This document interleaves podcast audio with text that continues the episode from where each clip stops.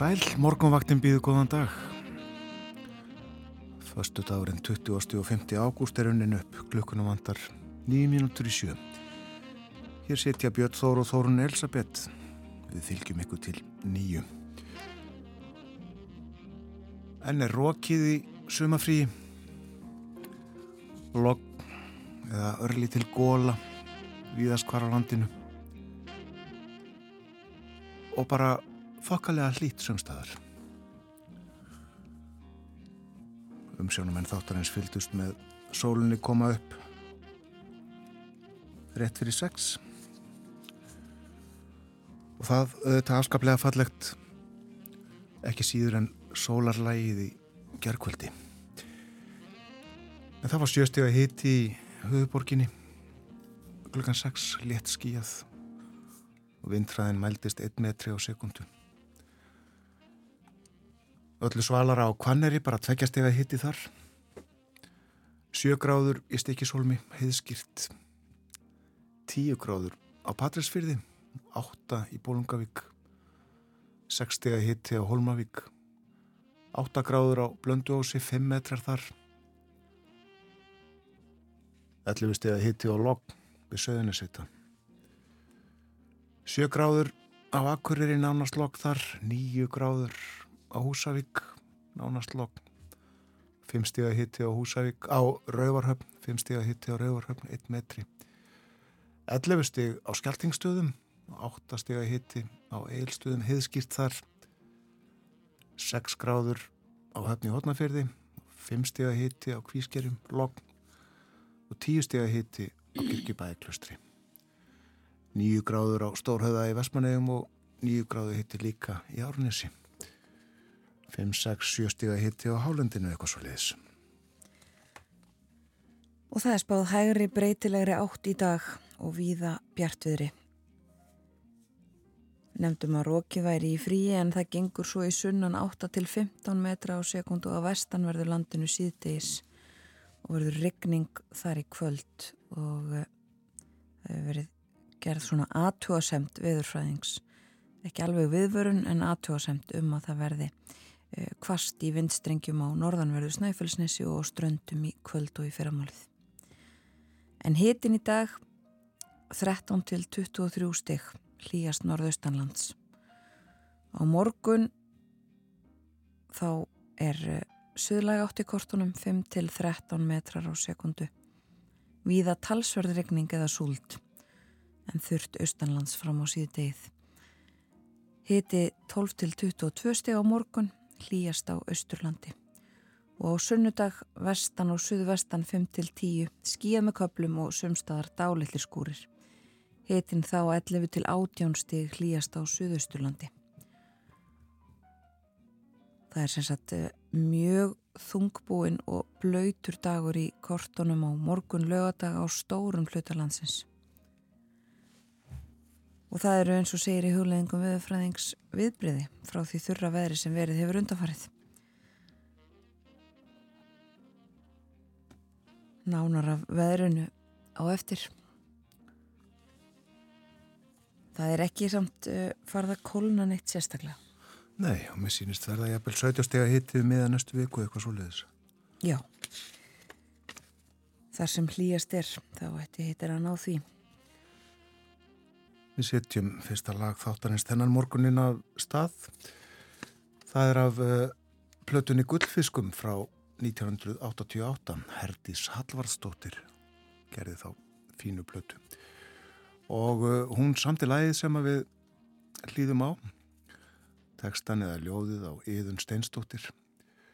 Og uh, það er enn vetur og ljóðmalandi hugsar til sömarsins þegar sólinn fyrir að skína.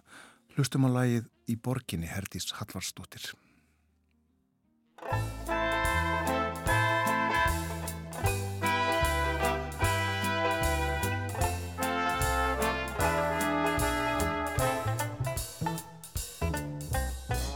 Húsin standa á hæðum uppi Horfa í ró á hóp af smáfuglum sem þar var barum snjó Fólkið allt er út að basla bröðstritinu í.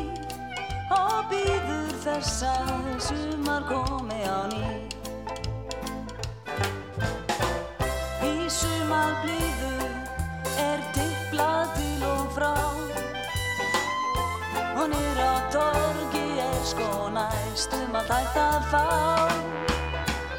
Og augna gótur oft skjótast þar á ská. Já, stöðleg mann lífið er þá. Út í myrkvað skamdegi við skondrum í kvöld. Og skjálfum eins og rýstur því nefjan sól og vorið böglast brjóstum í Við býðum þess að sumar komi á ný. Í sumar blíðu er tippla til og frá. Og niður á torgi er sko næstum að tætt að fá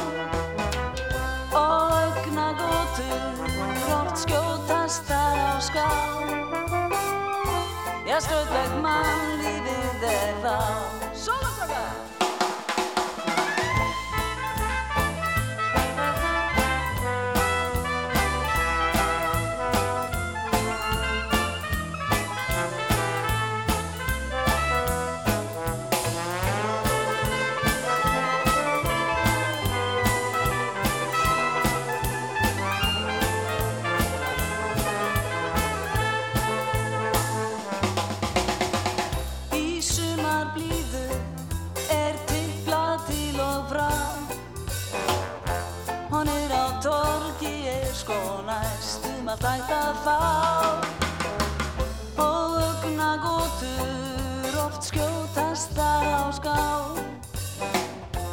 skröðleg mann lífið er þá.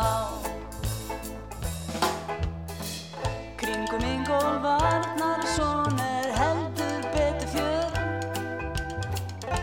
Í il og sólskíni menn týna á sig hverja spjör Sumir grifja mannlífið og sælir eru á því að sumarið er loksins komið á ný. Í sumar blíðu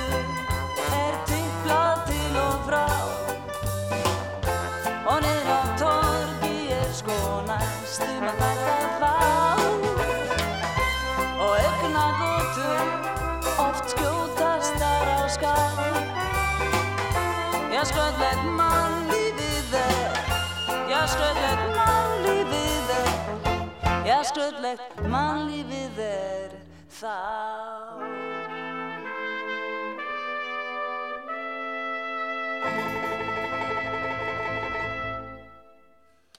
Þetta var Herdís Hallvarastóttir í borginni söngun. Þestinn fjallaði um uh, líðatilvöruna á uh, fallugum sólardegi. Með henni Ásker Óskarsson á trommum, Þórður Högnarsson leik á kontrabassa, Björnir Einarsson spilaði á básunu, Jón Sigursson trompet, Sigurður Snorarsson á klarnett og Helgi E. Kristjánsson á banni og gítar. Við fáum fréttir frá fréttastofunni, förum ítalega yfir dagskráð þáttarins eftir þær og lítum í blöðin.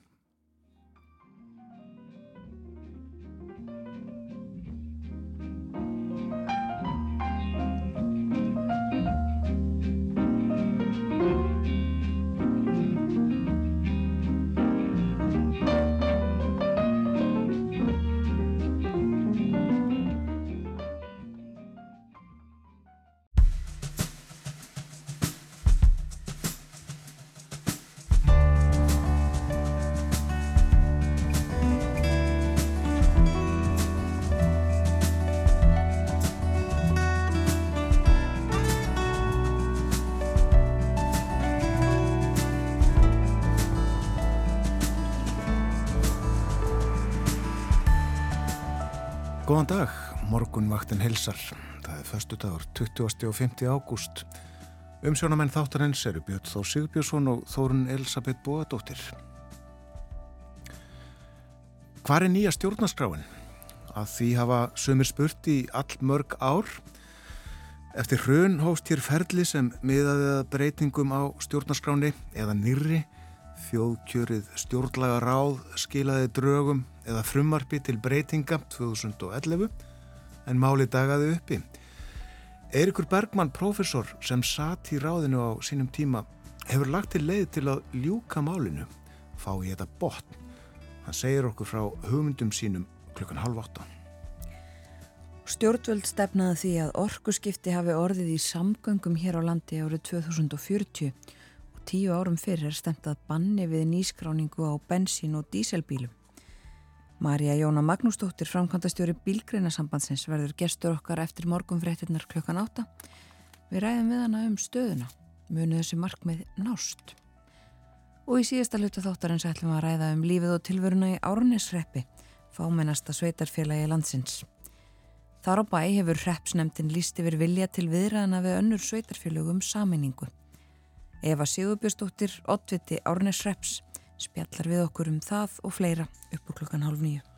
Ímislegt á dagskrá morgunvaktarinnar þennan morgunin. Hugum aðeins að gangi heimintúlana.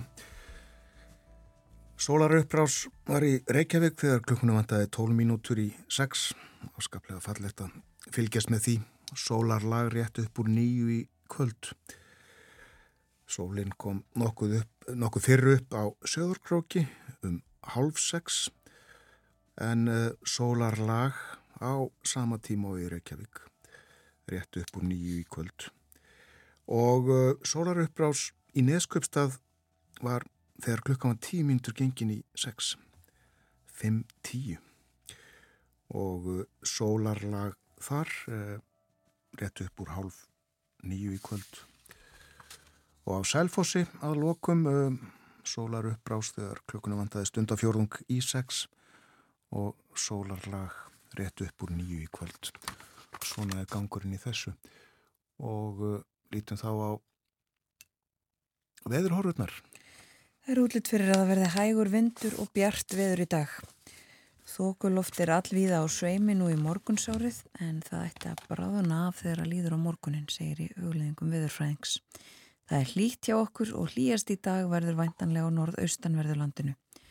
Þar geti hitti náði 23 stík þar sem best lætur. Íbúar á vestanverðurlandinu munu sjá bliku eða háski færast yfir úr vestri. Það er að nálgast reggsvæði og vestan til á landinu verður vaksandi sunnanátt síðdegis og búast máðið rigningu þar í kvöld. Á morgun eru síðan horfur á mjög þungbónum og blöytum degi á stórum hluta landsins sem eru viðbriði frá því þurra veðri sem að verið hefur undanfarið. Norðaustan og austanlands verður hlýtt áfram, ætti að ná yfir 20 stík og þar hangir þurftað mestu fram eftir degi en búast má við rigningu einnig á þessum slóðum annað kvöld. Svona hljóma hugleðingar veðufræðings og ef við lítum á horfurnar aðeins lengra fram í tíman þá er vestan og suðvestan átt á sunnudag spáð 5-10 metrum, skíða með köplum og sumstaðar dálittir skúrir. Hitin 11 til 18 stig hlýjast á Suðausturlandi. Það er svo regning með köplum í flestum landslutum á mánudag. Hitin 10 til 15 stig og breytileg átt. Á þriðju dag áfram breytileg átt og byrtir viða til þá. Hitin 9 til 17 stig og hlýjast sunnanlands. Áfram svo á meðugudag og 5 dagi næstu viku gert ráð fyrir hita á bylunu 10 til 17 stig. Suðlega átt smá skúrir en bjart viðri um landið norðaustanvert. Ágúst mánuður ætla að það hveði okkur bara á söpum nótum og hann hefur verið nánast allur. Já, og uh, vonandi að uh, september helsi með söpum hætti og ágúst hefur verið undanförnum. Og þannig við lítum í blöðin þá uh, verðum við að nefna þennan frábæra Sigur Breiðabliks í Európukeppnin í fótbolta í gær. Liðið lagði félag sem heiti Strúka og er frá Norður Makedóníu.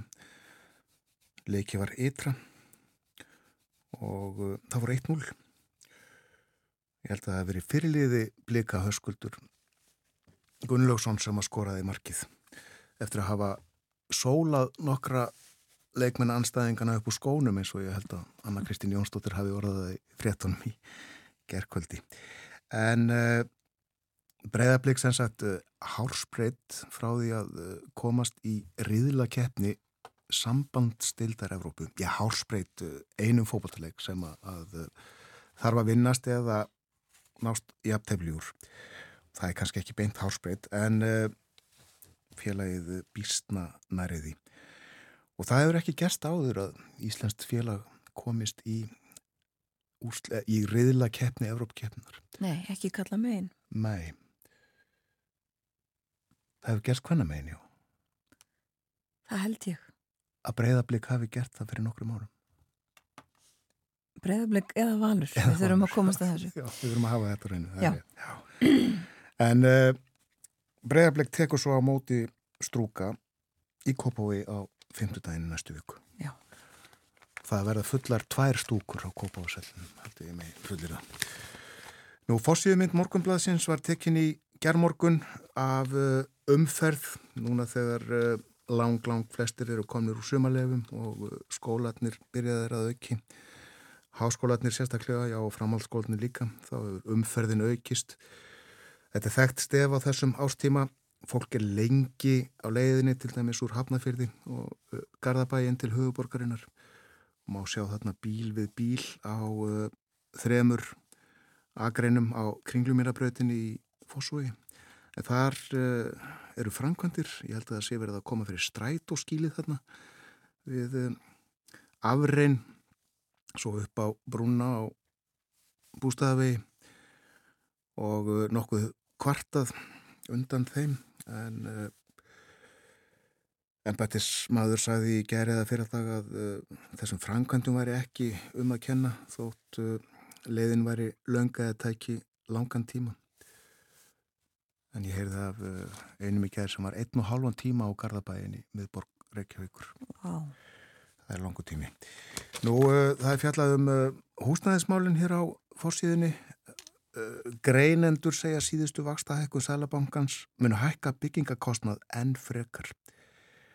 Og uh, það er rætt um þetta vítt og breytt í blæðinu í dag. Uh, meðal annars er talað við Þorstin Arnalds sem að vinnur hjá húsnæðis og mannvirkjastofnun hann er tölfræðingur þar. Og uh, hann er meðal annars spurður hver hinn undirliggjandi þörf sé nú á húsnæðismarkaði. Og hann segir stofnunina á alla enn að byggja þurfi 3-4.000 íbúður á ári næstu tíu árin á landinu öllu. Og það er rættið líka við Sigurd Hannesson, frangatastjóra samtaka yðnaðarins sem segir skýr merki um samdrátt í uppbyggingu nýra íbúða. Og svo er það orkumálinn í eh, framaldi af eh, yfirliti eða, or, spáum orku þörf á næstu árum sem að landsnett kynnti í gerð þá rættir við Guðlug Þór Þórðarsson sem að fer með orkumálinn í ríkistjórninni og uh, hann segir uh, orku öfluna málinn í algjörum forgangi hjá sér enda hafi hann marg ítrekkað að afla þurfi grætnar orku til þess að undverði að ná markmiðum um orku skipti Og hann segir sankant þeim upplýsingum sem ég fengið hjá orkufyrirtækjunum þá eru þau að vinna í öllum þeim kostum sem nú eru í nýtingaflokki ramma áallunar en eru komin mislangt áleiðis með það. Og niðurstaðan er svo að við þurfum að hafa hraðir í hendur, bæði hvað var þar orku öflun, bæta nýtingu og orku skipti. Þetta fór sig á morgunblæsins. Og að því við nefndum fótboltan hér á Íslandi að þá... Eh, byrjum við erlendarfrettir í færi og þar eru þetta sagt frá uh, árangri klagsvíkur sem við höfum fylst með hér á morgunvaktinni líka að því að eh, K.I. Klagsvík uh, fráfæri var líka að keppa í gær og gerðu jafntefni við liðið Sheriff frá Moldavíu. 1-1 og þetta var líka fyrirleikur liðana liðið sem að eh, hefur betur í setni leiknum fer í riðlakeppni Evrópudeildarinnar en tabliðið fer í riðlakeppni sambandsdeildarinnar og eh, fjallaðum þetta í færeskum fjölmiðlum í dag. Og K.I. fer til Moldova við stórum sjálfsáliti er fyrirsögnin í frettinni hjá dimmaletting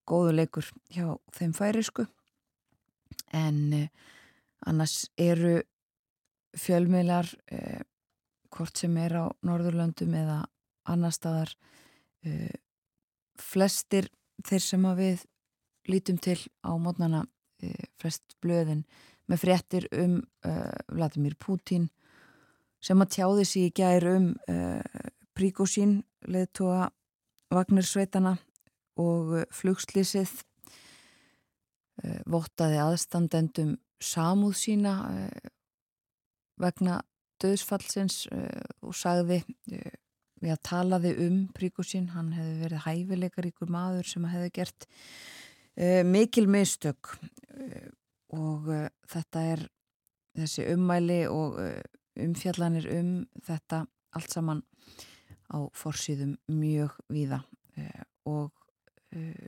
sumstaðar meðal annars í, í breskum fjölmjölum uh, og bandarískum talaðum það að, að bandaríkjumenn og einhverjir aðrir svona sérfræðingar telli líklegt að það hafi verið komið fyrir sprengju í þessari fljóðil sem að hafi valdið þessu. Og ímislegt fleira svona í tengslum við þetta allt saman uh, í, uh, að fórsýðum blaða. Það er að því við höfum verið að minnast á fókbóltan mjög flott mynd á fórsýðun á dagans nýhettir í Svíþjóð og umfjöllun af henni 91 árs gamlu Ullu Britt sem að missir aldrei af leik með AEK í Svíþjóð. Hún er sínd í stúkunni uh, fagna. Þetta er, þetta er fallegt falleg mynd.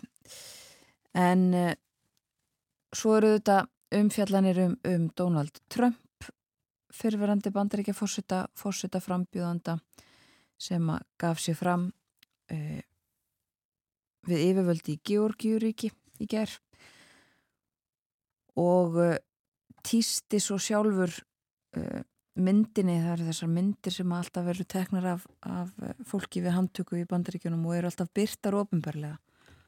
Hann byrti myndina af sér sjálfur á, á samfélagsmiðlunum X sem aður hétti Twitter. Þaðan sem honum var útýst eftir árásuna á þingúsið í byrjun árs 2021. Hefur ekki verið þar síðar en hann fór sem sagt þurfti að um, skila eða borga segt, borga tryggingu til þess að komast aftur út var 20 myndur í fangilsi og sagði við fjölmjöla að þetta veri sorgardagur fyrir bandaríkin mm. segjum þetta gott að vera löndum fyrir ettum í byli Aftur á fókbóltónum Breðablík hvernaliði lék í reylakeppni mistaradeldarina fyrir tveimur árum 2021 og uh, mætti þar franska liðinu PSG Real Madrid og uh, Karkif frá Úkræðin. Emmitt. Þannig að kallalið getur fetað í fótspór hvernaliðsins. Þá er það Já. komið fram. Þá er það komið á reynd.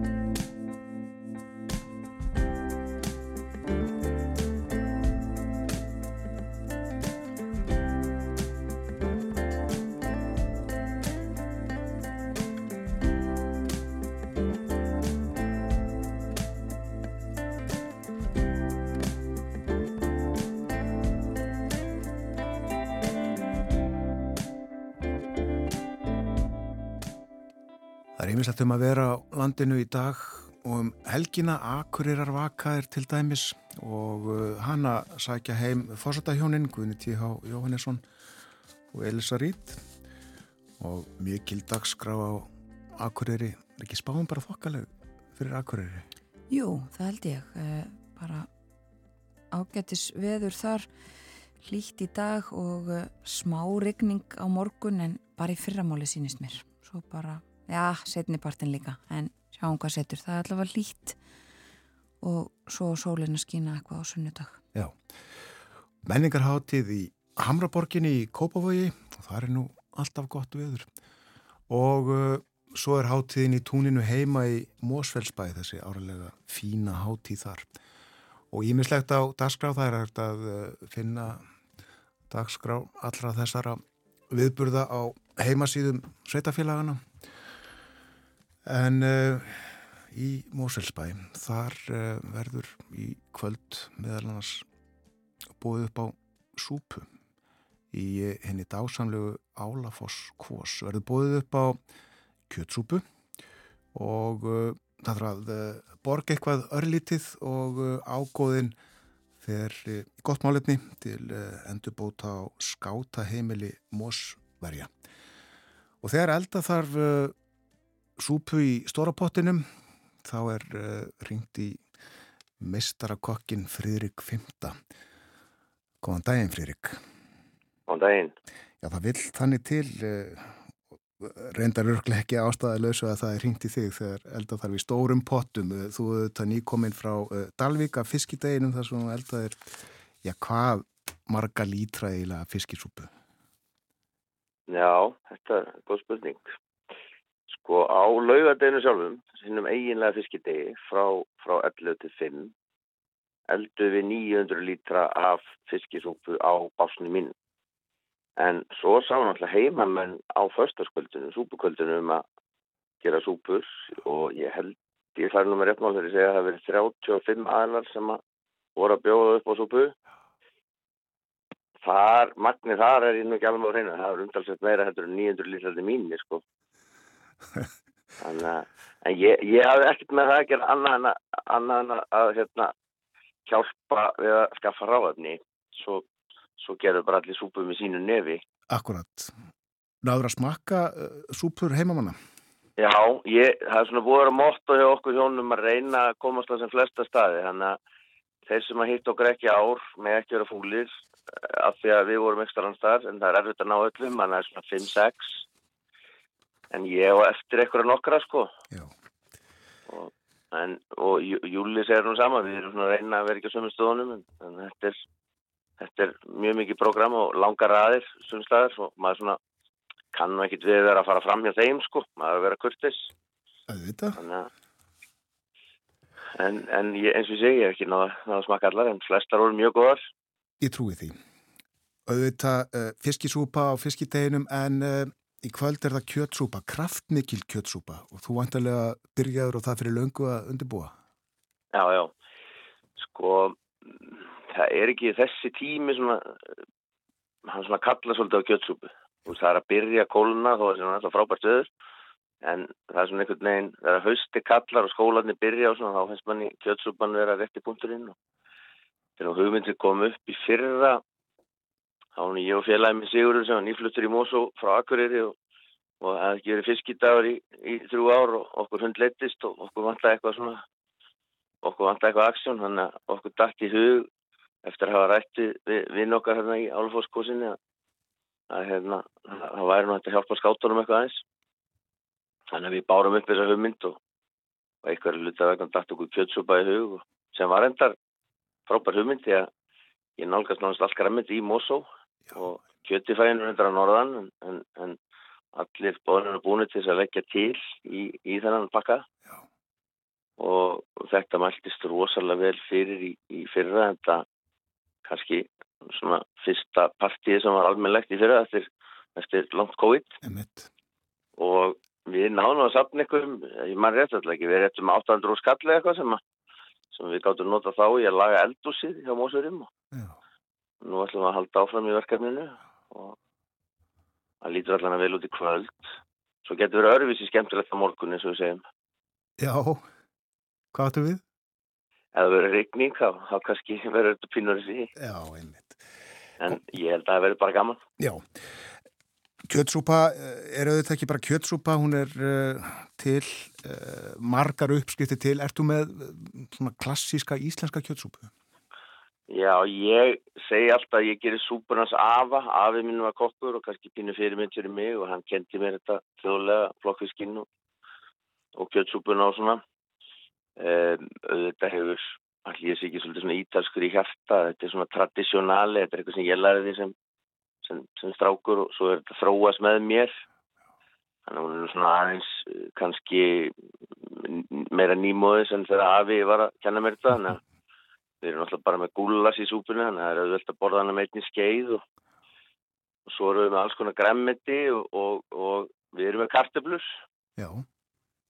En triksi mitt er svolítið íslenska kryddjustis sem að bæði við erum að rækta sjálf og svo, svo tínu við vilt, bæði vilt blóðberg og beitilingu eitthvað sem við höfum surkað og setjum út í. Og það gerir... Ég verður þessu smá svona karakter. Já, gerir gefumunin jável. Það er svona, ég held, ég er enda pínu hissa að því ég er nú flakka mikið um, Evrópu og, hef mikið nága á mat og hef farið á margar matarháttir og svona. En pínu að við eigum ekki eina sérstakar kjötsúpu í hverju þorpi eða í hverjum fyrði. Því að hann er allir að gera kjötsúpu en það er svona ekki, menn það er ekki mikið lagt á sig að skrásetja hvað er hvað, sko. Það væri rosa flott ef, að, ef maður geti sett sko eitt daginn að maður væri með skakfiska kjötsúpu og annan daginn maður var með vestfiska eða eitthvað svolítið. Akkurat. En að því að ég held að blæbriðin er mörg sko. Já, en það vantar ekki e, græmetið í Mósusbænum, e, mikið ræktað í Mósusdal. Já, við erum mjög heppin, ég er enda frá Reykjum í, fyrir, fyrir kvöldið, kvítkál og, og, rúur og grænkál og Svo er eins og heppin að gammal kennari minn og nákvæmni býr í Álfosskósinni og ræktar það, þannig að ég stel öllu sem eftir er í garðinu með honum. Þannig að það verður ennþá fallir ræðið, þetta er hann sem verður mjög ánægð með það. En, en, en það skemmir ekki, hann er garðskjufræðingur og mikil snillingur og, og hann stendur á baku okkur. Þannig að en, en það, er, það er gott að búið mjög svo upp á þetta að gera, það er alltaf nót til að blómum og, og, og græmiti. Akkurat. Er uh, ekkit mál að elda súpu í, í svona miklu magni? Jú, jú, en samt ekki. Við, sko, við ákvæðum að gera þetta bara oft. Við heldum 50 lítra í hverju holli og Já. svo erum við með, það eru tvö sett, þannig að við erum að elda súpu á töfum stöðum, tveimur eldbælum, þannig að við erum að elda 100 lítri í einu og svo bara, svo bara verður þetta svona færiband, þannig að leið og eitt, eitt posturinn er komin í afgriðslu þá byrjum við á næsta Já. Þannig að svo þetta eru það eru til fleiri lausnir þá ertu komin í sértakann búnað þá ertu að vera komin í einhvern risa pott sem það er að geima þá ertu ekki að nota hann og svo framvegis. Þannig að þetta er svona ég ætla ekki að segja auðveldarlegin en þetta er svona þetta er svona lausnin sem hendar Sniðu þetta að hugsa í lausnum. Við erum komið með, með vatni munni þakkaði fyrir spjallið Fririk gangið vel í kvöld. Þú nú er ég, takk kærlega. Bless, bless. Súpuvisla í Álafosskosinni í, í uh, Moselsbæ á uh, bæjarháttiðinni í túninu heima.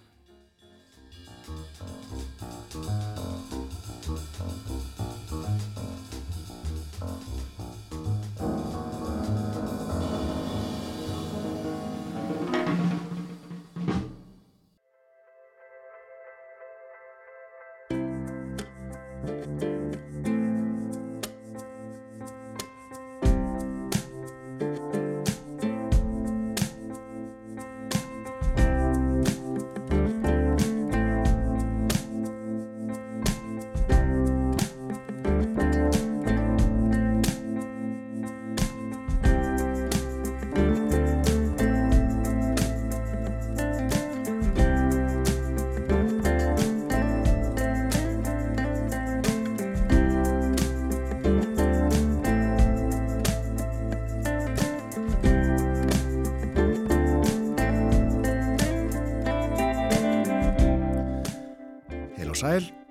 þeir það hlusta á morgunvaktina á rás 1. Já, góðan dag þeir sem voruð að vakna eða kveikja á útvarpinu.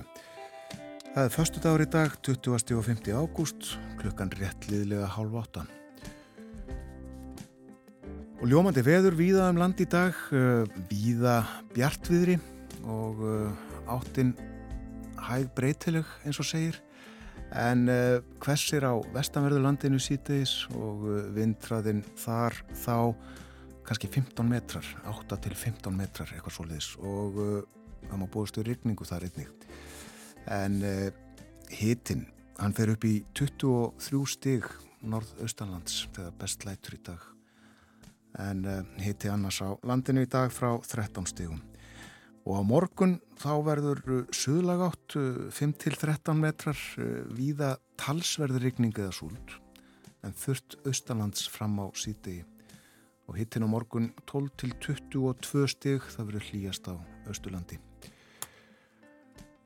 Framöndan hjá okkur eftir fréttinnar klukkan átta þá ætlum við að tala um bíla. Hjá okkur verður Marja Jóna Magnúsdóttir hún er frangandastjóri bílgrinasambandsins Við ætlum að velta þig fyrir okkur með henni hvernig eh, orgu skiptin í bílaflótanum ganga og eh, hvernig horfurnar eru. Ræðum um uh, rámarbíluna, um uh, vettnið, metanið, ímyndlegt fleira.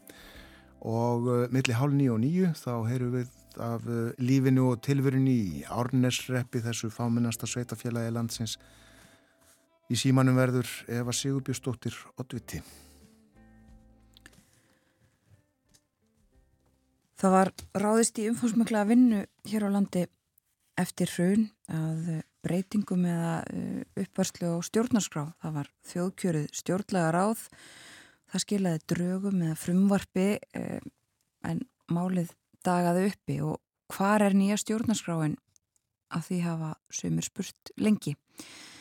Eirikur Bergmann, profesor við Háskólan á Befröst, uh, sati í ráðin á sínum tíma og hefur síðan komið að svipuðu ferli annar staðar í heiminum og hann hefur nú lagt til leið til þess að ljúka málinu. Uh, hann skrefar um þetta í nýri bók sem að komin er út og eh, fjallarum uh, svona ímsa þætti borgara líðræðis og Eirikur er komin hinga til okkar og ætlar að segja okkur frá þessum hugmyndum. Góðan dag og velkomin á morgunvaktina. Já, takk fyrir, góðan daginn. Um, fyrst kannski ættum við að rifja upp þetta íslenska ferli. Uh, hvernig það uh, fór fram allt saman. Hvernig þetta var þetta uh, þjóðkjörið stjórnlega ráð fyrst átti mm -hmm. að vera stjórnlega þing. Viltu rifja þetta upp fyrir okkur í, í bara nokkrum orðum ef það er hægt? Já, það, það byrjast að byrja á setningunni hér var trun hérna eh, sem að sumir muna en þá kjölfar þess þá náttúrulega fór fram ímis konar endurskoðun á grundvöllum eh, á grundvölli þjóðfélagsins. Þetta er inn í það sem þetta er svona atbörður, polykrisis heitir þetta sem að um, er stundu kallað sko stjórnarskrá stund einmitt, constitutional moment. Það er svona atbyrður verður í þjóðfélagi sem að leiði til þess að það sem áður er sko fast í skotgröfum og óhreifanlegt opnast einhvern veginn uh, upp á gátt og fólk er tilbúið til þess að endur skoða grundvöllin uh, upp og nýtt. Og þetta var þannig stund hjá okkur og þeir sem að muna þessa uh, tíma, muna það að það voru alls konar tilugur færðar fram til endurbóta á þjóðfélaginu. Uh, það uh, er þetta hérna þessi svo kallar búsahaldabilding og allt það, en það kemur fram þessi krafa. Ef maður nú sé orðið nöðsilegt að endur skoða stjórnarskrána, við höfum auðvitað látið döga að yfirfæra bara danska stjórnarskrá með lámarsbreytingum við liðvildir stökuna, alltaf hafði staðið til að Íslandingar myndi skrifa sína eigin stjórnarskrá. Það hafði alltaf ratað ofan í skotgrafir uh, flokks átaka hefbundina en þarna náðu flokkarnir á alþingi saman um feril. Það var mjög viðamikil.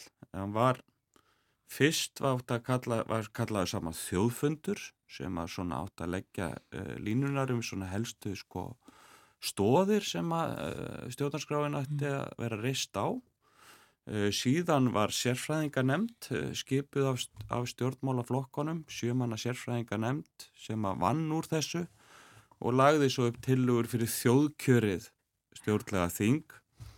það var síðan á svona tæknilegum uh, vegna tæknilegra ákalla uh, sem sagt uh, dæmt ógild og stjórnlega ráð skipað á alþingi, sama fólk hafði kjösin inn í stjórnlega þingið tekur síðan við þessu öll saman og hefur uh, fjóra, fjóra mánuði til þess hreinlega að skrifa nýja stjórnaskrá uh, frá grunni. Uh, menn áttum kannski ekki vona því að það myndi takast en það náðist einhuga samstaða í þessu ráði sem að skilar þessum draugum til uh, þings. En þingið var þá eiginlega alveg óviðbúið hvað það ætti að gera við frumvarpið. Þetta hafði svona og það hefði orðið ákveðin svona tókstreita held ég á milli stjórnlega ráðsins og þingsins sem að er svona eitraði allt uh, málið og er einn helsti lærdómurinn í þessum samabyrði sem að ég er með í þessum kabla uh, og síðan dagar máli bara aftur uppi. Þess að þessi gluggi hann lokast. Stjór, stjórnaskrár stundin hún líður. Og máli fer bara aftur í skotgrafinnar. Og um, þegar að uh, kemur að aðdraganda kostningarna 2013 að þá bara uh, rennum við út á tíma. Já. Nefnum það líka auðvitað að ríkistjórni var sem lagði af stað með málið orðin bísna veik. Þarna, Hún var orðin bísna veik en það gleymir stundum að allir stjórnmálaflokkarnir tóku þátt í ferlinu og höfðu sín áhrif á það. Uh, þarna var vinstri stjórn en sko sjálfstæðisflokkur og fransunarflokkur höfðu afgerandi áhrif uh, á þetta ferli til dæmis lagði sjálfstæðisflokkurinn sko mikið upp með það að, að þjóðfundurinn yrði partur uh, af þessu ferli uh, og það kom allir flokkanir aðeins en sumir sko er, þetta var andrumsloft á þessum tíma sem gerði það verkum að menn kannski svona já, þóttust tilbúinir til þess að leggja út í vekkferð sem þeir kannski ætluðu sér aldrei Nei, að klára. Akkurat. Svo höfum við náttúrulega mörg dæmi um það að mönnum hefur snúist hugur eða sagt eitthvað einhver tíma sem er svo ekki hafa staðið við setna. Akkurat. En uh, áður en við tölum svo um hugmyndi þínar, heyrum að já. þeim að uh, segja okkur þá aðeins frá írska stjórnarskrárferlinu sem að fór í gang þarna svipum tíma eða svolítið síðar sem að þú fylgist svolítið með.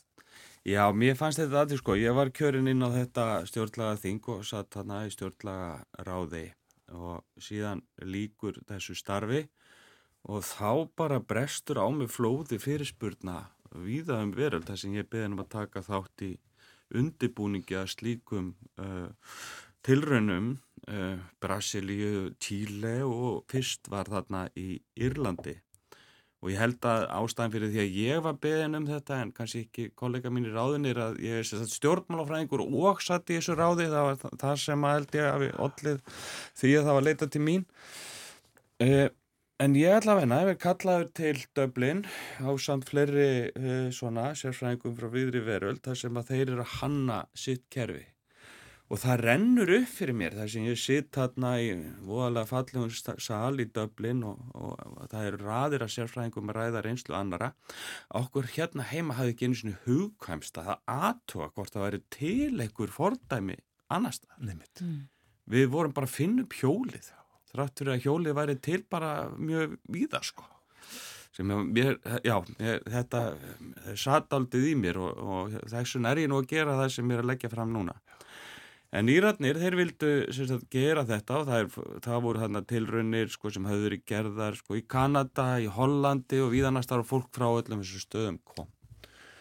Og þeir eru þarna að leggja til uh, stjórnlega þing sem að er eða sínu slempivalið, borgaraþing, sem að muni hittast yfir uh, nokkrar helgar og þannig eru komin í ríkistjóð þetta er alveg nákvæmlega sam og hérna veist, fjármálakrísan reik íra alveg sérteli skrátt það verður pólitísk krísa innanlands alveg eins og hjá okkur.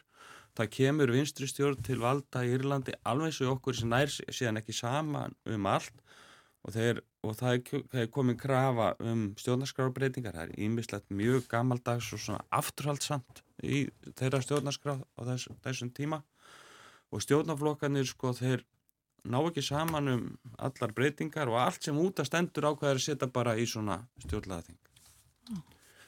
Og það er hugmyndina, þetta sé slempivalið e, þing og e, síðan er að blanda inn í hópin e, þingmönnum af írska þinginu. Og ég man það mjög vel að þegar við sátum hérna þessir fínu sérfræðingar í þessum fína sala, við fundum þessu, þeirri tilugu alltur fóráttu Við töldum þá að þingmennir myndu sko misnota færni sína eh, til þess að eh, snúa þessu öllu saman sér í hag og þeirra vilji eh, myndir á það. En síðan fyldist nú með þessu í einhverju ráðgjafa hlutverki og komst að því að öndverða gerðist þingmenn, þetta voru 66 lempivaldir almenni borgarar og 33 þingmenn sem sátu í, og svo er þessu mjög sko, stýrt af mjög styrkru svona, uh, skrif, styrkri uh, fósetta og, og skrifstofu sem heldur utanum allt saman. En það sem gerist er að þingmennir sem tók þátt að þeir urðu einhvers konar sko, svona fasilitorar fyrir almenning. Fóru sko að nota færni síni til þess að hjálpa borgurunum að forma hugsanir sínar. Að sko, sko að setja uh, þeirra innri kannski svona hugmyndir og prinsip í orð og tilugur og þannig að þeir settu sjálf að sér svona svo litið í aftursætið fóru ekki að að íta sínum hérna e, sko, áformum endilega e, svo ágæft í, gegn og þetta þótti mér mjög áhugavert mm. og síðan er annað sem er að e, öfut við það sem var síðan hér hjá okkur er að þegar að tillögurnar komu fram þá voru bandamenn á Írska þinginu sem höfðu setið með borgurunum og þeir voru öllum flokkum og þeir reyndust vera hérna uh, sko, þeir kapsumustu á þinginu. Já. það, það, það er sérst að eignar haldinu á ferlinu var deilt. Já. og það er það sem að mér fannst vera sko áhugaverðast. Það eh, þurftu auðvitað að lögfesta þetta og þetta fara já, fyrir þingið. Já, þá þurftu það að fara þingið. Og það var alveg eins hérna hjá okkur að stjórnarskrá stjórnarskrá líðveldisins Íslands er breytt á alþingi. Og fram hjá því kemst enginn þó að einhverjir hafi kannski farið að ímynda sér það um tíma. Já, Já.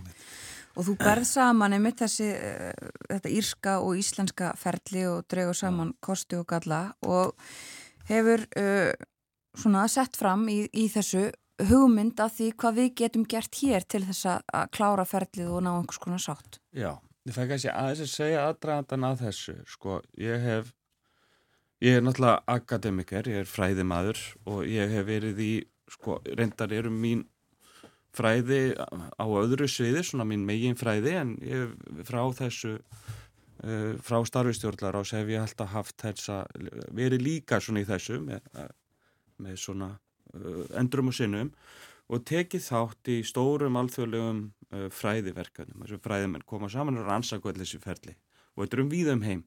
Þú veist það er gríðarlega mikið að gerast í þáttökur líðræði í, í, í Suður Ameríku Brasilíu alveg sérstaklega og þetta er að færa, reyða sér til rúms allstar, Mongóliu þú veist, í hérna Þísku, Þíska svæðinu í Belgíu búið að lögfesta þetta í stjórnaskrá að það verða að vera borgaraþing sem fari yfir, yfir svona mál. Í, í Fraklandi er verið að setja umhverfismál í svona borgaraþing og svo, svo framvegis, þannig að þetta er gríðarlega flóra af alls konar tilrönd sem hefur gerðar út um, út um allan heim Og ég sitt hérna í þessum rannsónarhópum og fer bara eitthvað að velta fyrir mig við hljótum að nú langar til þess að snúa sko lærdom stefnunni við. Ég fengið hérna til þess að vera til ráðgjafar fyrir öll þessi hérna borgaraþing hérna um víða veröld þar sem er verið að læra af íslenskur einslunni og hérna siti að þessari sko gnótt þekkingar eh, og geti ekki sko reynda að, að læra eitthvað af því fyrir þá íslenska ferli og þá blasir við að bera Ísland og Írland saman eins og við byrjuðum á að gera uh, hérna áðan.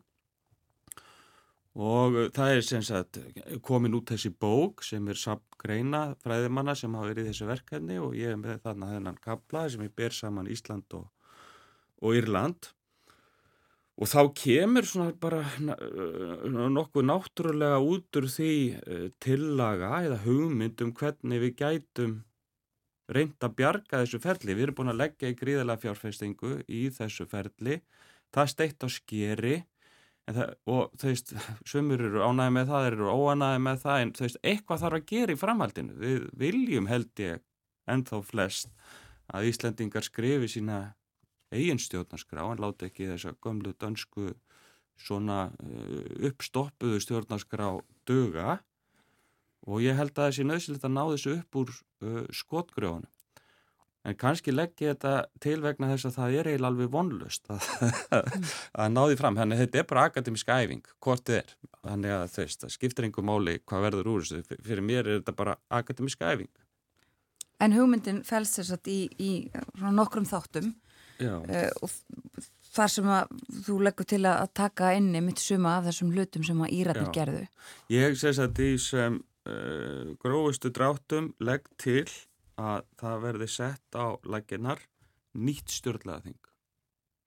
Það verði ekki kjörið. Við sem sátum hérna í stjórnlegaráði komum ekki að þessu málum og ég kom ekki að þessu málum. Uh, heldur verði valið nýtt stjórnlegaþing sem að verði slempi valið. Það verði slempi valdir 44 Uh, borgarar, maður er að nota þetta íska uh, hérna fordæmi en aðeins að skala það svona að okkar mm. þörfum 44 almenni borgarar verði slempi valdir inn á, inn á þetta þing með þeim siti 22 alþingismenn valdir af sínum stjórnmálflokkum því flokkar af alþingi komið sér saman og vesku, þeir þurfa að gera það komið sér saman um uh, formann utan aðkomandi stjórnanda sem að stýri starfinu. Þessi stjórnandi tryggi starf þingsins og aðkomu sérfræðinga, upplýsinga og svo framvegist þannig að, að fulltrúar á þinginu hafi greiðan aðgang á öllum þeim upplýsingum sem fyrirlikja Nú þessu nýja uh, stjórnlega þingi verði fært í hendur frumvarp stjórnlega ráðs og nota benni með þeim breytingum sem gerðar hafa verið af alltingi og þær eru fjölmarkar eftir innkomi fenniga nefndarinnar, alls konar sérfræðingar þetta er plaggi lítur allt öðruvísi út eftir núna viða mikla uh, sko aðkomu alltingis, sko niðurstöðuna úr, úr hérna gleimu þykji, við nefndum það á hann að það var þjóðratkvæðgreisla sem mhm. fór fram um frumvarpið þar sem þetta var staðfest og þar komu líka inn smáveila breytingar með öllu þessu. Eh, þannig þetta er ekki gamla frumvar stjórnlagar ás heldur að hallur heildapakkin fari inn í þetta nýja stjórnlega þing sem að hafi uh, sjálfdæmi um hvað það gerir við þetta plagg. Hvort að það vilji bara segja veð sko þetta er fínt, við leggjum það fram eða gera því einhverja breytingar eða bara endur skoða það frá grunni þá er það bara í höndum þessa nýja stjórnlega þings. Nú nái þetta stjórnlega, nýja stjórnlega þing saman um tillögu að nýri íslenski stjórnaskrá þá fer svo tillega til alþingis. Alþingi eh, kýsum hana og náist, fái, fái frumverfin náð fyrir augum alþingismanna að þá uh, verði kosið um þá tilugu samhliða næstu uh, alþingiskostningum. Það verði ekki emm til sérstakra þjóðræðkvækjusl. Heldur það þarkortið er alþingiskostningar á milli til þess að breyta stjórnarskráni og þá er bara eðlegast að það sé kosið um þetta plagg, nýja, nýju stjórnarskrá samhliða þeirri uh, þingkostningu og þá er það í höndum nýkjörins alþingis að staðfesta draugin sem að hafa þá hlotið sko kostningu á nýju stjórnlegaþingi verið samþygt af fyrra alþingi og verið samþygt af þjóðinni í þjóðratkvæði greiðslu og þá myndi ég nú halda að þeir þingmenn teltu nú kannski óhætt að samþykja bara þá draugin þegar að þau koma þarna fyrir. Mm. Þetta held ég að geti verið leið til þess að ná þessu máli upp úr þessum fjandans skotgröfum. Ég held hins vegar ekki að hérna, það séu margir sem verður að fara að stökka á þessi orð okkar hérna núna, bara reynd ekki og þess vegna er þetta akademiska æfing. Skemmtilega heiðalegu með þetta. þetta Já, ég bara nenn ekkert að fara, ímynda mér eitthvað um sko eh, eitthvað sem er bara tiltölu óraunhaft sko. Nei. Við búum í íslensku stjórnmála veruleika. Einmitt og gildandi stjórnarskrá uh, mjög mikilvæg eins og hún er fyrir já. Uh, mörgum, uh, já, já. margir sem að vilja ekki hrópla við henni eins eins og við þekkjum þetta. En það hefur verið einhvers konar þjóðar vilji að uh, sko fara ofan í þetta mál og endur sko það, það líkur alveg fyrir að það var vilji við líðvöldistökun að gera það og þetta hefur alltaf, þetta er svona bastardur sko mm. og það er sko stjórnaskráin sem við búum við, hún er skrifið á dullmáli Veist, þetta er hérna, það er engin leið fyrir venjulegt fólk að lesa þessi stjórnaskrá og skilja stjórnafarið í landinu. Nei, það er margt fyrirlegt þetta í kaplanum um fórsatan til dæmis. Ef þú lesir stjórnarskrána og hættir ekki þetta land, vissir ekkert um Ísland og læsir bara stjórnarskrána, þá myndur að halda stjórnafarið í til landi væri allt öðruvísi heldur en það er í dag. Ymmitt, völd fórseta væri eh, til dæmis miklu meiri en þau eru. Já, raun, já, sko. og sko stjórnarskráin veitir fórseta völd í ákvæðum sem hún tekur síðan tilbaka frá honum í öðrum ákvæðum. Þetta er allt svona sko. Eiríku, það var gaman að fá þið yngaði þáttin og heyra um þessar hugmyndiðinnar. Getur fólk lesið einhver staður um það?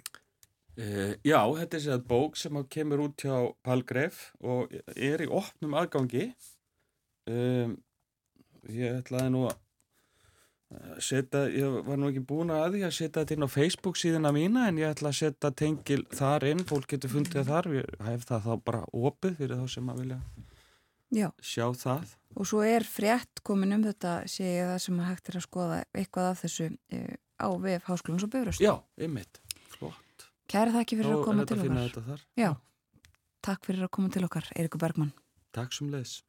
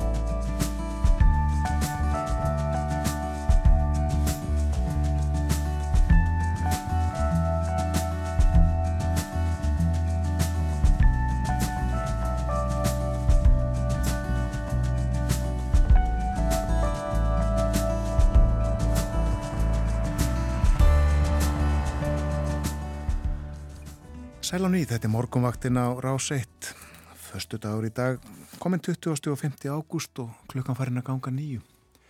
Það er helgi framöndan og alls konar hólumhæ, víða um land eins og við nefndum fyrir morgun, í túninu heima í Mósfellsbænum, Akureyrar vaka og uh, svo er þetta skemmtilega menningarháttið í Hamraborginni í Kópavogi, svona svo eitthvað sé nefnd.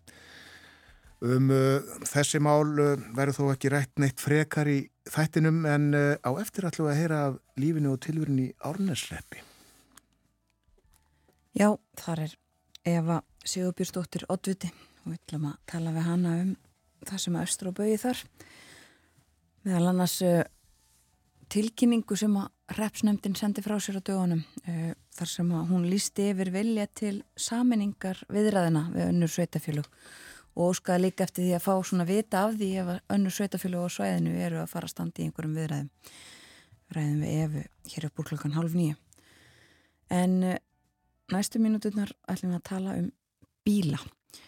Stjórnvöld stefnaði því að orkuskipti hafi orðið í samgöngum hér á landi árið 2040 og tíu árum fyrr, 2030, er stemtað því að komið verða á bann við nýskráningu á bensín og dísilbílum. Það er að segja allir bílar sem að koma nýjir til landsins verði knúnir einhverju öðru en bensíni eða dísil. Marja Jóna Magnúsdóttir, framkvæmdastjóri Bílgrinarsambandsins, er komininga til okkar. Bílgrinnarsambandið heldur utanum alls konar hluti og tölfræði og, og, og þar á bæ veit fólk bara mjög margt um það hvernig bílamarkaðurinn og þetta allt saman er að þróast. Við ætlum að tala um stöðuna næstu mínúturnar. Velkomin á morgunvaktina. Takk fyrir.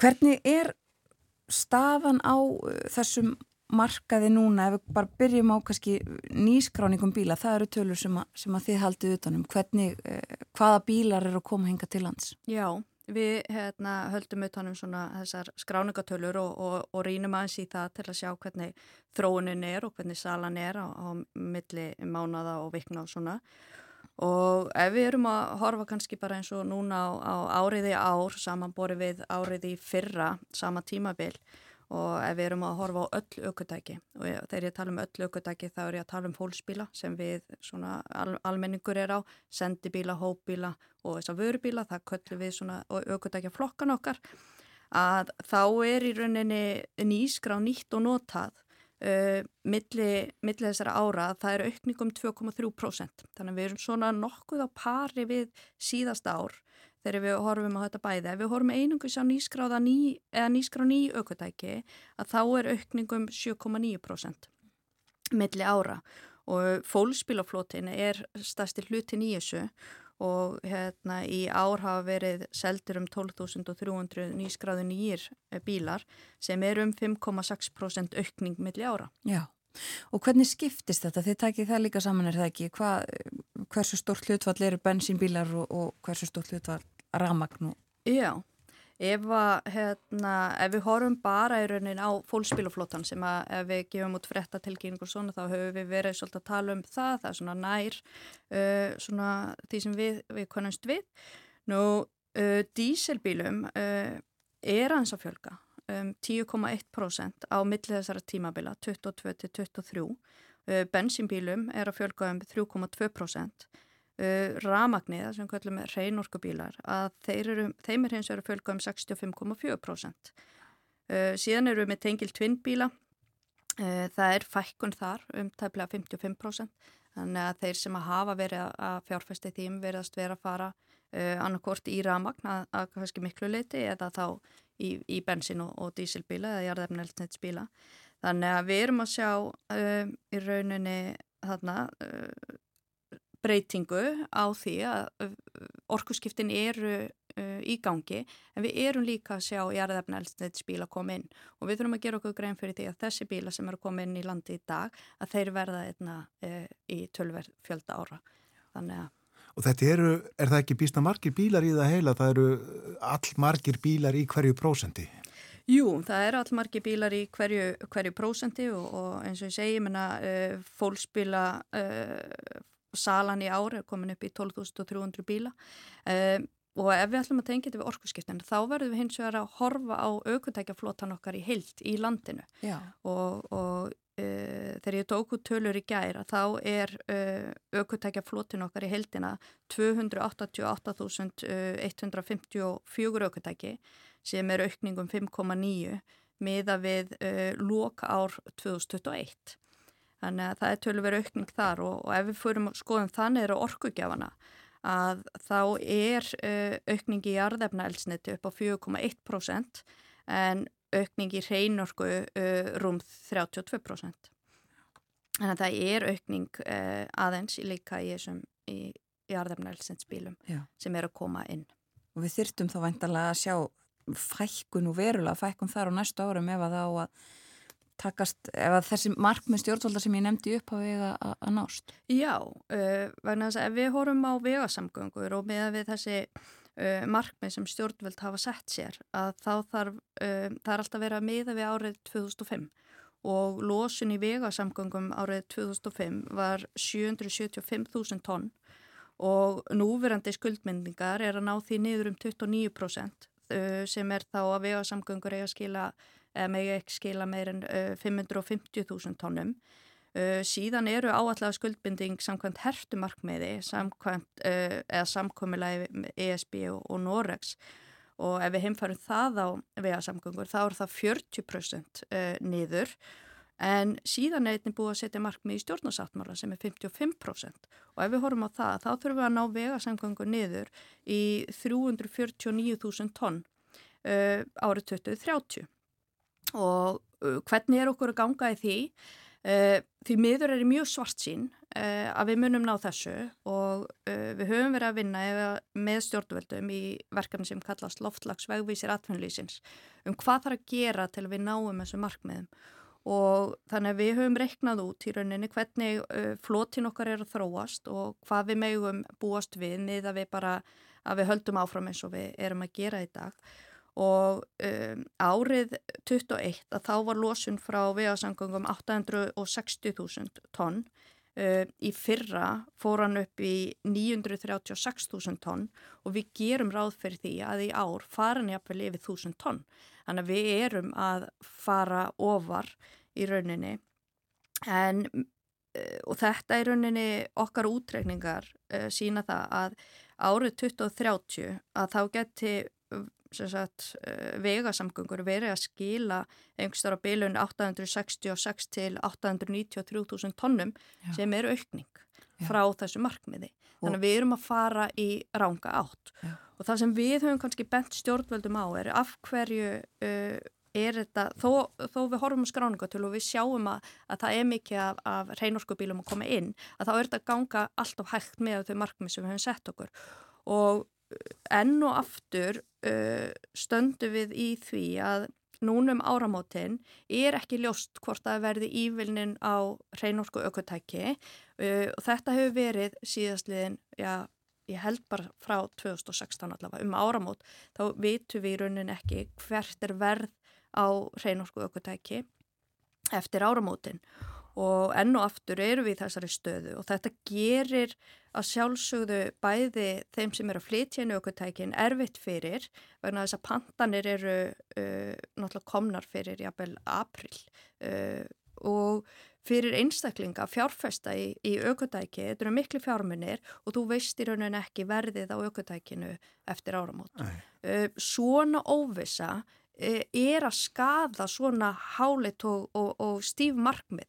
Þannig að það verður að vera skýrt hvernig þessi vekkferð á að vera til 2030 þegar kemur að vega samgang. En finnast þér þessar ívillanir vera uh, nöðsynlegar og, og eðlegar og sangjarnar? Já, sko Það er þannig að enn í dag eru rafökutæki uh, dýrari uh, og það Ívillunin er í rauninni núna það er niðurfelling á verið sökurskatt upp á 1320.000. Ef hún fellur niður þá er aukutæki bara herra sem því nefnur.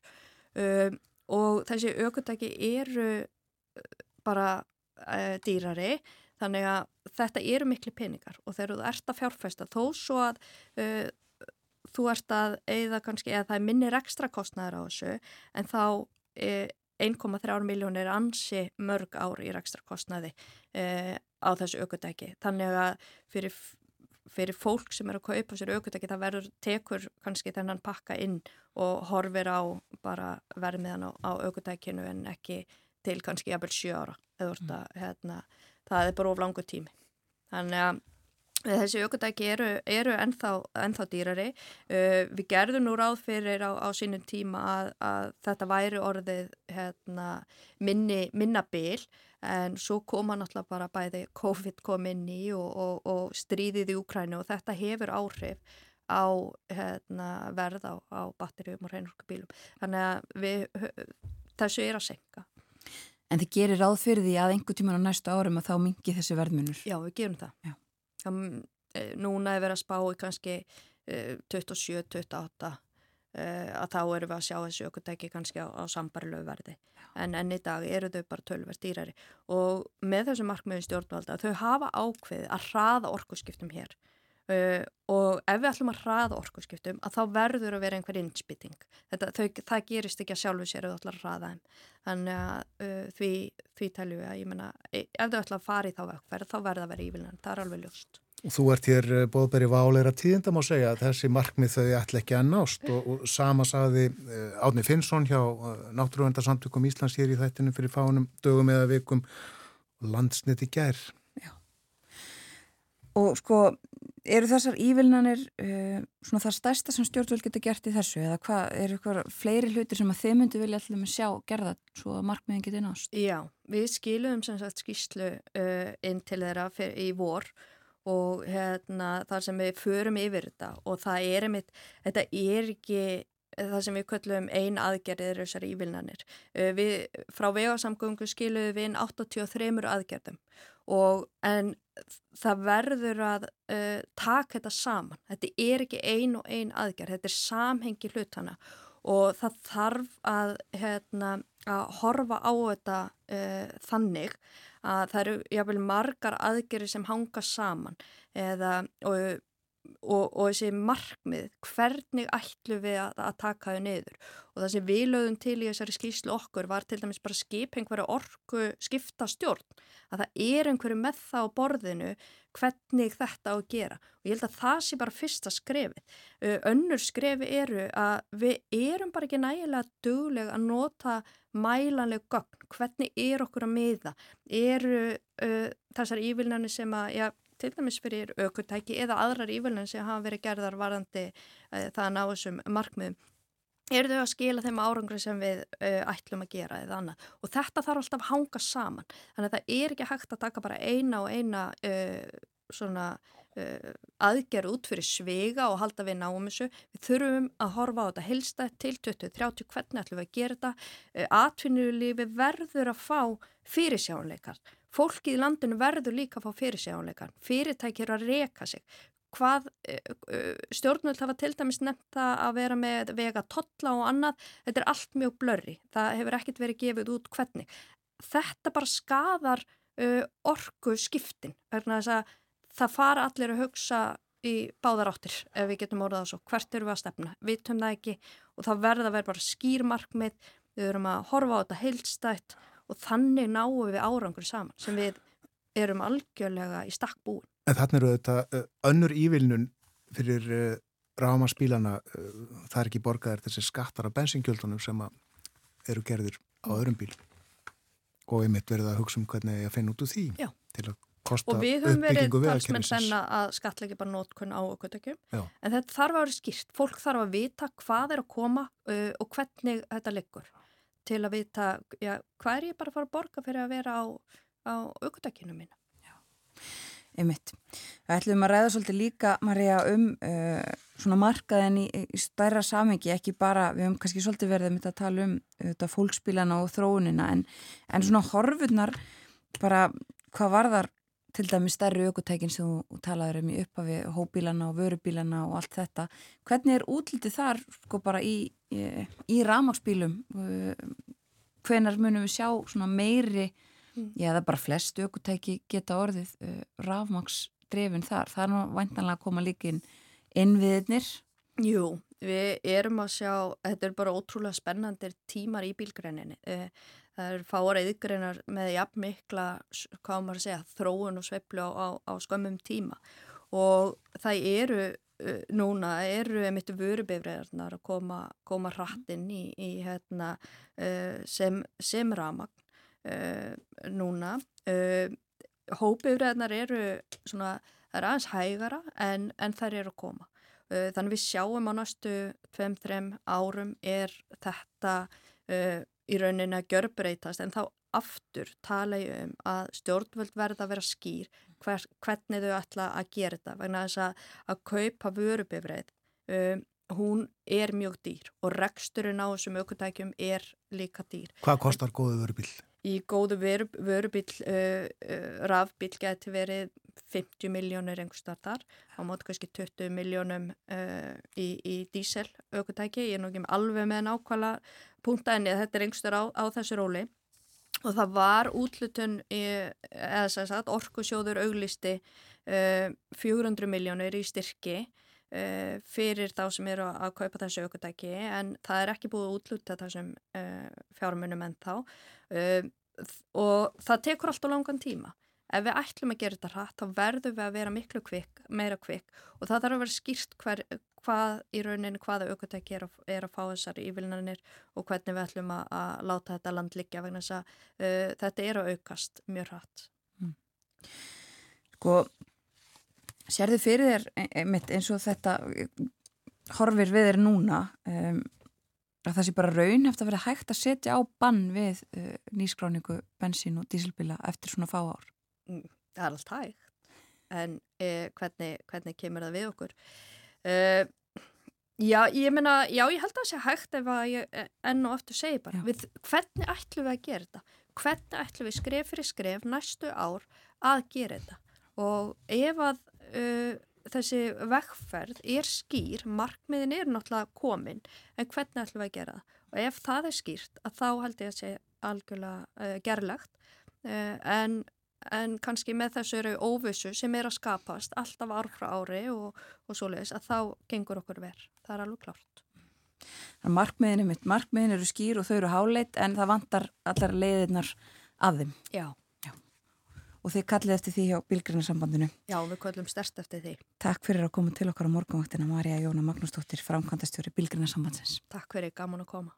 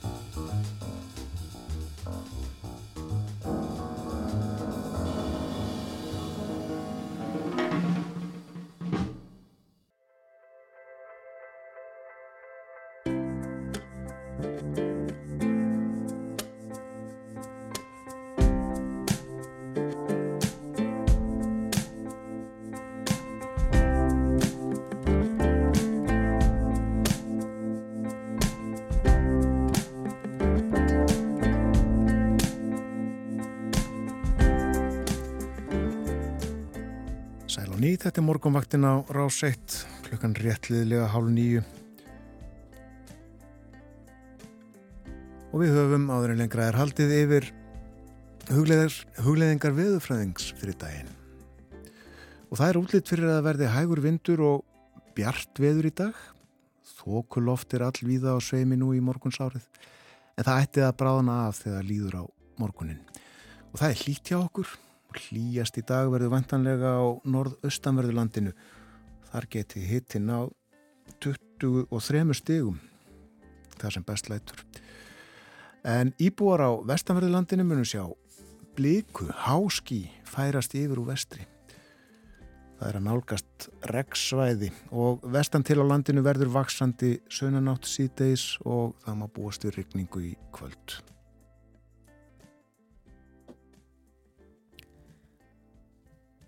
Og næstu mínuturnar ætlum við að ræða við Efu Sigurbjörnsdóttur, hún er ótviti í Árnesreppi. Við ætlum að tala eins um lífið og tilvöruna og Eva er á línunni og við verðum eiginlega að byrja á að spyrja hvernig viðrar hjá þér Eva, góðan dag. Góðan daginn. Það viðrar bara ágætlega. Það er smá hérna góla, svona kaldi en það er nú eiginlega fyrsti dagurinn í þó nokkuð tíma sem bara hreyfir vind hérna hjá okkur en það er ennþá þurft og, og hitt besta veður. Já, gott. Já, þetta er, það hefur verið bara lokn í lengri tíma. Já, það er eins hjá okkur eins og flestum öðru. Það er bara búið að vera kyrfiðri. Einmitt. Dásamlegt veður. Dásamlegt veður, já. Og eins og hefur verið víða um landið við fögnum því og vonum þetta að það haldi áfram. Já. Við ætlum að tala eins um lífið og tilvöruna í árnesreppi um, og við ætlum að byrja á að tala um saminningar. Þið uh, í hrepsnefndinni gáfuð út tilkynningu hreinlega á uh, dögunum fyrir í þessu mánuði þar sem að þið bara lístu því yfir og vöktuð á því aðtikli að uh, þið væruð til í og vilduð fara í viðræður við önnur sveitarfélög um mögulegar saminningar og líka Já. óskuðuð eftir því að fá að fylgjast með umræðum í nágrana sveitarfélagunum. Hvað verður til þess að þið ákváðuð að gefa frá okkur þessa yfirlýsingu? Sko, það, það kemur nú til út af því að maður finnur alveg fyrir þessari pressu sem að uh, ráðuneytin eru að, að hérna leggja á sveitafélagin að þau saminist eða, eða byrja allavega einhvert ferðli með að tala um hlutina og svo leiðs. Mm. Og jáfnvel við sem eru nú sennilega fámennasta sveitafélagið á landinu finnur alveg fyrir þessu. Þannig að við ákváðum að í staðan fyrir að, að hérna, tala ekkert um þetta ofinberlega, við vorum, erum svo sem ekki heldur að tala mikið um þetta okkar á milli hérna fyrir norðan En eh, já, við, þess vegna ákváðum við eiginlega að hugsa þetta mál og setja eitthvað niður á blað sem varðaði þetta og koma því á framfæri. Já, en það er ekki þannig að þið hafið, uh, hafið einhverjar viðræður eða, eða verið einhverju óformlegu spjalli við, við nágrann ykkar eða neitt slíkt? Sko ekki núna nýlega en það hefur alveg sko verið svona eitthvað óformlega treyfingar í gangi við svegar og jafnvel í því skynja saman alla vestfyrði og eitthvað svona þannig að það eru allt mögulegt sem hefur verið upp á borðinu en núna síðustu mánuði þá höfum við ekki átt í neinu svona viðræðum við, við önnu sveitfjölug. Ef að segja okkur eins frá þessari eh, pressu frá ráðunetunum, er hún bein og klár eða meira undir rós? Já, hún er svona, hún er svona svolítið undir rós. Eh, maður er beðin um að gefa skýringar á hinn og þessu og af hverju og við erum ekki í umræðu, viðræðum og, og svona eitt og annað sem við þurfum að svara og það hérna ráðunetið, eh, ráðunetið inn við það, sendi út til sveitarfélaga sem eru með undir 250 íbúum sendu svona ákveðna byðinu um skýringar og hvernig staðan væri og, og það var eitt af þessu sem gerði það verkum að við ákvaðum að skrifa þetta. Málið er náttúrulega það að við erum bara cirka 40 og eitthvað, rúmlega 40 manns og það er eiginlega ekki möguleiki fyrir okkur að starta einhverjum svona viðræðin þannig að að við ákváðum það, komið svo framfæri og sjá hvað myndi gerast. Já, 40 manns, það eru þetta bísna fátt fólk. Já, já, það er það. Stendur það undir eh, svona samfélagi og því sem að sveitafélag þarf að gera og bjóða upp á? Sko, það er náttúrulega mjög mikil hérna samvinna á milli sveitafélag, bæði hérna á strandum og eins yfir alla, yfir stærra samhengi skiljið og við erum í alls konar hérna samvinnu um þau verkefni sem okkur ber að, að skila hendi og það hefur gengið bara vel og eru laungreinsla af því og við munum sko halda því áfram alveg á meðan eh, eitthvað annað gerist ekki. Þannig að með eh, einhverjum hætti getið þið veit alla þá þjónustu sem að þið þurfið að veita lögum sangkvæmt? Já, það við gerum það sko. Mm. Og eins og þú segir, það hafa, hefur komið til talsmöguleikin á að bara eh, hreinlega samina alla, öll sveitafjölugin á vestfjörðum eða einhverjar ja. aðrar útfærslur á þessu. Já, já. Það er hvað, um það byrjum kannski tvær vikur eða eitthvað síðan að þið gáðuð frá okkur þessa yfirleysingu.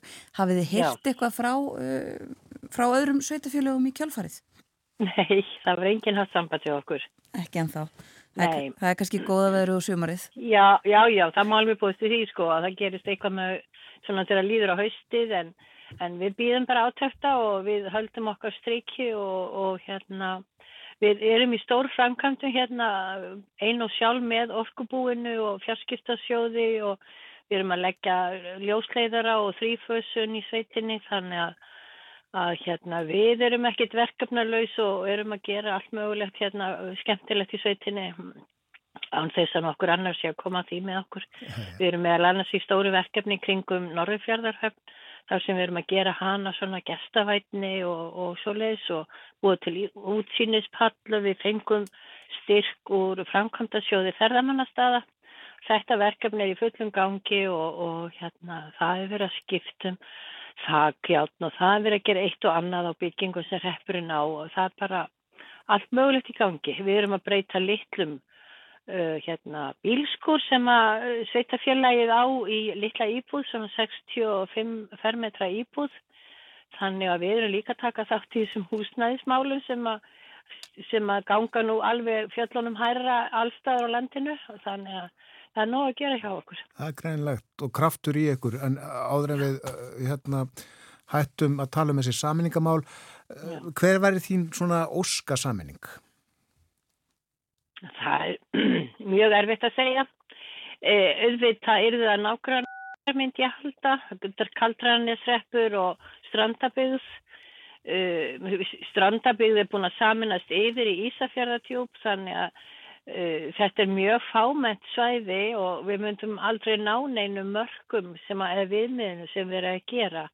En málið er það að sko samgöngunar hjá okkur þær bjóða í rauninu alls ekkit upp á neina sammenningar meðan það eru ekki betri en það eru. Það, þið veitir, það var alltaf svona forsendan og hefur alltaf verið forsendan uh, í gegnum alla tíma að það er verið að hvetja til sammenningar að það verði tekið á samgöngumálum. Við komum til sveitafjallega vegir lagaðir og, og þannig að það sé bara, sko, í flestum tilfellum er talað um hálf tíma í næsta þjættbíliskjarna það myndir náttúrulega aldrei nást hjá okkur vant ég að því að það er það marg, mikla vegalengdir hérna á milli. En, en hérna sko, það er nánast vita mála að hérna það eru bara ymsar framkantir á vegam, í vegamáli hér sem hafa verið að dragast í áratögi og það er á ríkisins borði að gera eitthvað í þeim. Og við höfum verið bara því miður svikin um þessar framkvæmdir ár eftir ár. Og það sem okkur vantar er það að, að hérna, það sé klára þetta dæmi að vegurinn alla leiðingað í, í árnesreppinu alveg norður úr sé það góður og hann sé hægt að nota nánast hvernig sem er. Með náttúrulega ákveðinni vetraþjónustu og svona eins og er nú allstaðar annar staðar á landinu en, en þetta hefur dreyist alveg vonur viti og, og hérna, við erum bara mjög svegt yfir því að við það verist eiga að fara að taka okkur út af samgöngu áallum með verkefni sem átt að byrja ástrafs á næsta ári. Já, hérna. Já. Hvað ertu ef að lengi að aga til holmaðugur? Ég klukkutíma, minnstakosti. Ef ég keiri svolítið greitt sem að þá er það klukkutími. Ég maður getur alveg nýtt sko hérna verið lengur og leiðina því að maður bara ekki vilt alltaf flytta sér en, en það minnst okkur klukktími þanga sko. mm. og ég, við í Djúpavík erum síðstir hlutin í Árnarseppi og, og eftir það kemur annar önnur hindrun sem er vegurinn út kjörfólklíðina hérna við Reykjafjörð þar viljum við bara gerna fá pínu lítin veg yfir skörð sem er hérna hinn með yfir fyrði fjörðin og þá erum við bara í góðum málum eiginlega sko það, það er bara, það er svo ótrúlega lítið sem þarf að gera. Þetta eru reyndar hérna veiðleysuhálsin sem ábyggilega mjög margir hafa heilt okkur tala um í gegnum tíðina. Það eru sko 12 kilometrar, það er nú ekki meira en það. Úr, úr veiðleysufyrðu og alveg hérna að kjósar á, hérna rétt fyrir innan Djúpavík. Það er, það er sá áfangi og það eru bara 12 kilometrar þannig að þetta er eiginlega bara gjörsamlega förðulegt að þetta skuli ekki hafa komist í gang. Það átti að byrja 22, það átti að byrja árin þar á undan og þar á undan og það er í rauninni búið að vera að, sko síðan um hrun, þá er búið að vera svíkja okkur um þetta. Það var búið að setja peninga á, á fjárhállin fyrir, fyrir veiðleysuháls 2008 og svo átti að bæta við sömu að upp að 2009 og hún kom aldrei og það var aldrei byrjað af því að þá kom hrunið Akkurat, eigið ekki nógu góða þingmenn?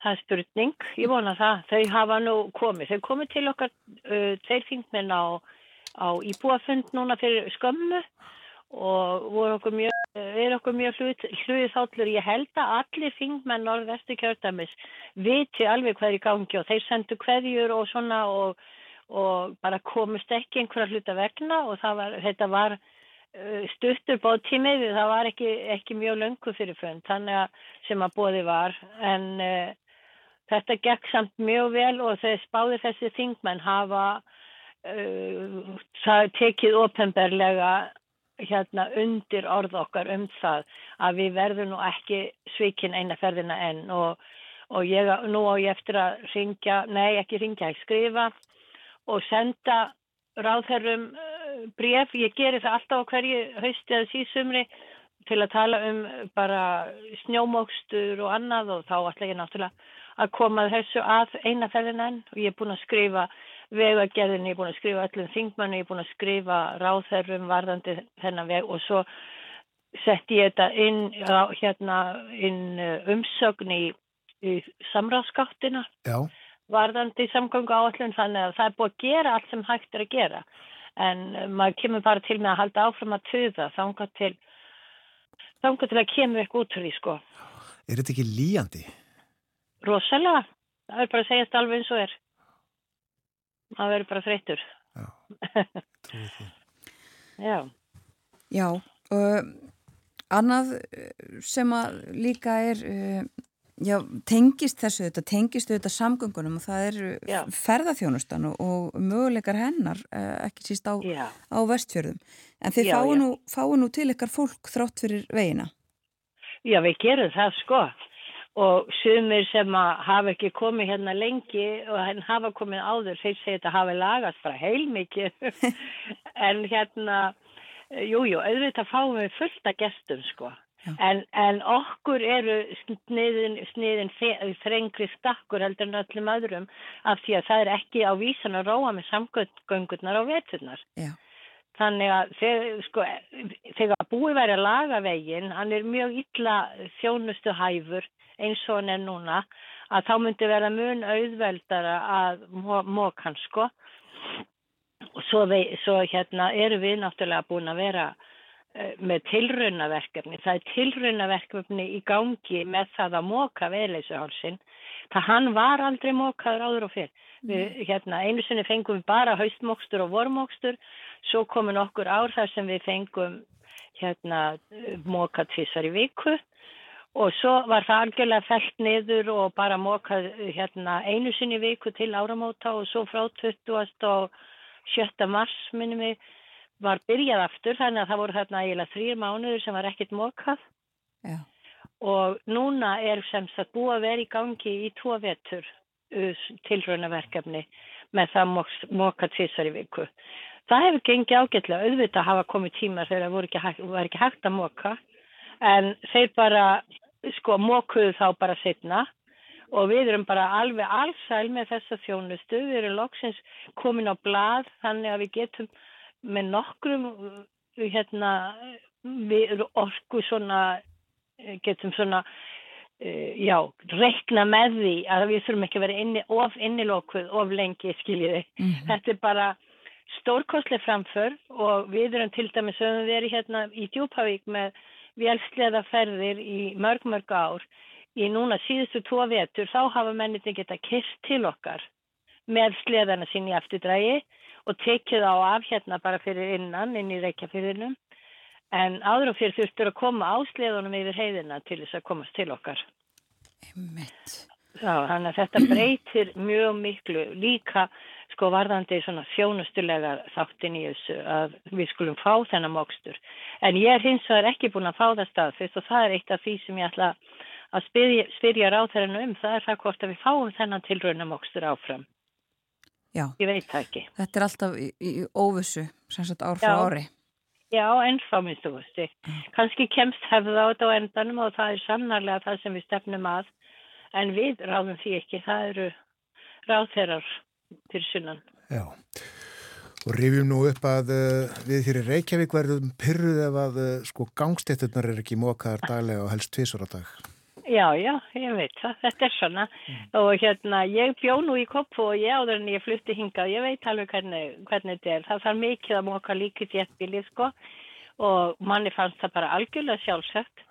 Og ég var nú tvíriku græni þegar við fluttum hingað. Ég held að ég er bara móka hér til okkar svona eins og þörf væri á en það var náttúrulega ekki þannig sko. Nei, akkurat. En, en ferðarþjónustan samt, uh, já uh, hún nú, blómstrar, hún blómstrar. Hún blómstrar hérna í sveitinni, það verður að segja þetta eins og er. Og, og hérna það er eitt sem að, sko, við erum með landbúna, það eru nokkur í bændur. Þeir eru með, með góð bú og, og þetta er fýtt land og þetta er riðurlaust svæði.